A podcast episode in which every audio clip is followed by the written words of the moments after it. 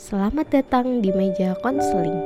Di sini kita akan bercerita, mendengarkan, dan merasakan cerita kalian bersama ilmuwan psikologi dan psikolog dari Fakultas Psikologi Universitas Muhammadiyah Malang.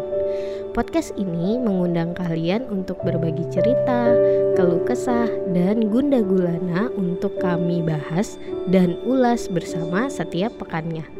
Eits, jangan khawatir. Setiap masalah yang kami bahas identitasnya dirahasiakan kok. Episode ini bersama saya Alifa Nabila Masturah. Di depan saya sudah ada curhatan dari pengirim berinisial S. Ia bercerita begini. Media konseling, perkenalkan aku S. Aku adalah mahasiswa salah satu perguruan tinggi, tepatnya juga di Malang. Dari awal kuliah sampai mendekati semester akhir ini, aku sedang dalam hubungan. Ia adalah lelaki yang juga mengisi momen-momen di perkuliahanku. Aku begitu percaya dengan dirinya. Aku merasa aku mendapatkan kasih sayang olehnya. Namun, ada masa di mana aku mengetahui ia berkhianat di belakangku dengan wanita yang sudah cukup aku kenal Momen itu terjadi di malam hari dan hanya berlangsung di malam itu saja. Semenjak itu, aku memutuskan hubunganku dengan dia. Tetapi aku masih menjalin hubungan yang baik dengannya. Tak membencinya, namun hanya kecewa saja. Tapi ya bagaimana kami telah sepakat bahwa jika ada pengkhianatan maka tak ada lagi alasan untuk sama-sama bertahan. Makanya aku memutuskan hubunganku dengan dia. Memang dia begitu merasa bersalah telah mengkhianatiku. Tiga bulan setelah putus, ternyata begitu berat baginya, pun bagiku juga. Yang dulunya sering bersama-sama dan saling menyayangi, sekarang harus berpisah.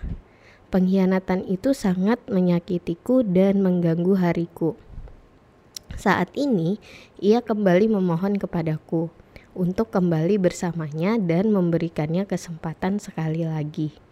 Ia mengatakan, jika memang kesempatan ini ia sia-siakan lagi, aku boleh pergi. Telah banyak hal lain yang dia lakukan untuk meyakinkanku kembali dengan dia. Begitu juga dari beberapa temannya yang telah menjelaskan padaku bahwa lelaki ini sangat mencintaiku. Memang aku juga merasa dia telah berubah, benar-benar berubah seperti sadar akan kesalahannya yang dulu. Saat ini aku mencoba untuk menerimanya kembali. Tapi hanya sebatas berteman dekat saja, tidak lebih. Aku cukup kenal dengan wanita itu. Terkadang jika melihat story media sosialnya, sesekali juga aku sering terdistrak mengingat kembali momen pengkhianatan itu. Aku sesekali membayangkan bagaimana jika orang yang kurasa menyayangiku ternyata bisa berkhianat di belakangku dengan wanita ini malam itu. Begitu sakit rasanya dadaku ketika mengingat kembali momen itu. Merusak moodku apalagi ada pemicu yang mengingatkanku kembali tentang momen itu. Tapi aku menyadari manusia tak luput dari kesalahan meja konseling. Apakah bisa kita sembuh dari sakit yang disebabkan oleh satu orang dan dengan dia juga sebagai penyembuhnya? Mohon arahannya. Terima kasih. Oke, jadi uh, ternyata kasus S ini mungkin juga menimpa atau kita rasakan gitu uh, sebagai pendengar meja konseling. Jadi begini, uh, kalau dilihat dari ceritanya S uh, masih nyesek walaupun dia sebenarnya udah berubah gitu. Dia juga masih menjalin hubungan yang baik dengan kita. Kemudian teman-temannya pun uh, berpikir dan memberikan informasi kalau dia itu sebenarnya uh, sayang sama S gitu. Jadi S harus gimana dong? Walaupun sampai sejauh ini ternyata S-nya hanya memilih berteman baik aja. Nah, uh, pada dasarnya kalau kita um, ngomong perihal individu itu kita sederhana aja sih. Yang kita rasakan itu apa? Jadi S ini merasa bagaimana sih gitu. Nah jadi saya garis bawahi uh, ceritanya S tadi yang bilang aku tuh masih sering uh, moodnya jelek gitu. Masih sering nyesek kalau ngelihat uh, apa story si perempuan yang berkhianat dengan dia terus kemudian merusak mood dan lain sebagainya gitu berarti masih ada uh, rasa yang tertinggal gitu di hati jadi masih ada perasaan kalau bahasa sederhananya S belum mampu memaafkan secara penuh terhadap si dia gitu. Nah, pertanyaannya gimana terus mau menjalin hubungan kembali gitu? Mau dia mau menyembuhkan kembali ketika sebenarnya S sendiri itu belum memaafkan seperti itu. Jadi uh, perkara maaf memaafkan ini gitu kalau dalam psikologi itu kita mengenal istilah for forgiveness. Forgiveness ini sebenarnya terjemahan sih dari memaafkan itu sendiri Nah, di konsep forgiveness itu uh, yang perlu kita pahami adalah bukan kita menerima oh iya dia manusia, dia wajar buat salah gitu. Jadi kita harus memaafkan.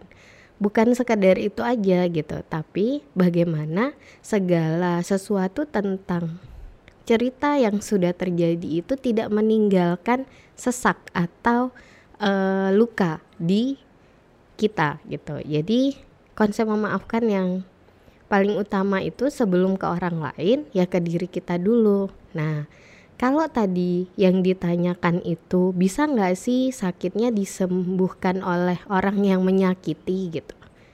Sebenarnya dia memang menyakiti gitu. Dia mau kembali dan berusaha memperbaiki. Tapi luka itu ada di kita gitu. Jadi, yang perlu kita perhatikan apa yang kita rasakan.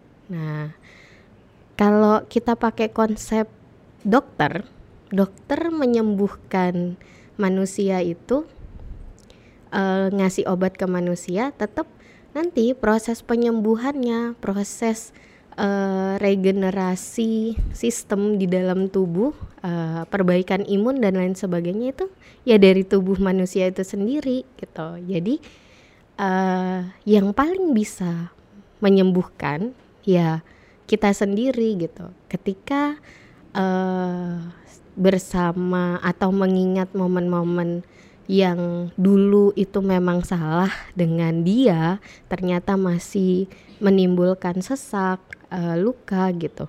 Artinya kita masih belum sembuh. Nah kalau udah kayak gitu, bagaimana kita mau membuka lembaran baru dengan si dia, entah itu orang yang sama atau mungkin orang yang berbeda. Jadi, uh, ketika S masih merasa sesak, masih merasa uh, moodnya jelek dengan kondisi yang ada apa namanya, entah sekedar apa melihat story Instagram dan lain sebagainya itu malah membuat uh, aktivitas atau kegiatan-kegiatan yang dijalani bareng sama dia itu jadi uh, tidak lebih akrab dari yang sebelum-sebelumnya gitu. Jadi tetap keputusan mau bagaimana setelahnya itu pasti ada di S lagi gitu terlepas dari misalkan oh dia sudah berubah kok. Oh dia belum uh, apa berubah gitu. Nah itu mau dia berubah kayak gimana pun kalau misalkan masih lukanya meninggalkan sesak di hati S berarti S masih belum uh, mampu memaafkan gitu. Sehingga dimaafkan dulu diterima dulu gitu. Gimana dong caranya?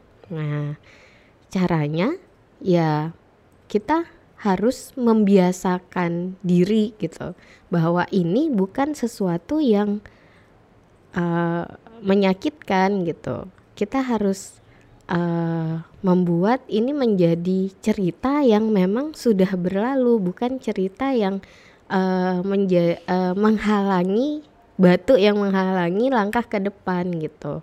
Jadi untuk S kalau ditanya bisakah kita sembuh dari orang yang sama, memang bisa gitu. Tapi tidak bijak karena harus kita dulu yang sembuh dengan diri kita sendiri, kita mampu menerima itu, uh, kita mampu menjalani hidup kita. Kalau kata orang-orang sekarang itu self love, setelah itu kita bisa menerima dia dengan lebih bebas lagi. Maksud saya lebih terbuka lagi gitu, karena uh, kitanya sudah selesai dengan eh, luka-luka uh, kita, baru uh, kita menyelesaikan dengan orang tersebut. Kira-kira seperti itu. Jadi uh, seperti yang kita tahu kalau dokter sama obat itu menyembuhkan manusia itu uh, hanya sebagai media yang paling bisa nyembuhin pasien ya dirinya sendiri karena kerja sistem imun tubuh. Nah, kira-kira kondisi psikis manusia ya kayak gitu juga kita bisa sembuh dengan uh, kemampuan kita sendiri untuk memaknai kehidupan kita dan menerima uh, yang sudah terjadi. Setelah itu baru melangkah untuk uh, menyelesaikan dengan orang lain siapa pun itu gitu. Sehingga kita menerima kembali atau tidak menerima itu adalah keputusan yang diambil setelah semua luka sembuh. Begitu. Oke. Okay. apabila ingin melakukan sesi konseling seperti S uh, atau S sendiri mau melakukan konseling lebih lanjut bisa uh, ke bimbingan konseling Universitas Muhammadiyah Malang bagi mahasiswa UMM atau di Pusat Layanan Psikologi Universitas Muhammadiyah Malang bagi yang bukan mahasiswa UMM yang berada lokasinya di Masjid AR Fahrudin lantai 1 dan juga apabila kalian ingin cerita kalian dibahas di meja konseling, bisa mengirimkan di link yang ada di description box atau di link tree pada bio Instagram @fapsiumm. Sekian dari saya Alifa Nabila Mastura, mari bahagia, sampai jumpa.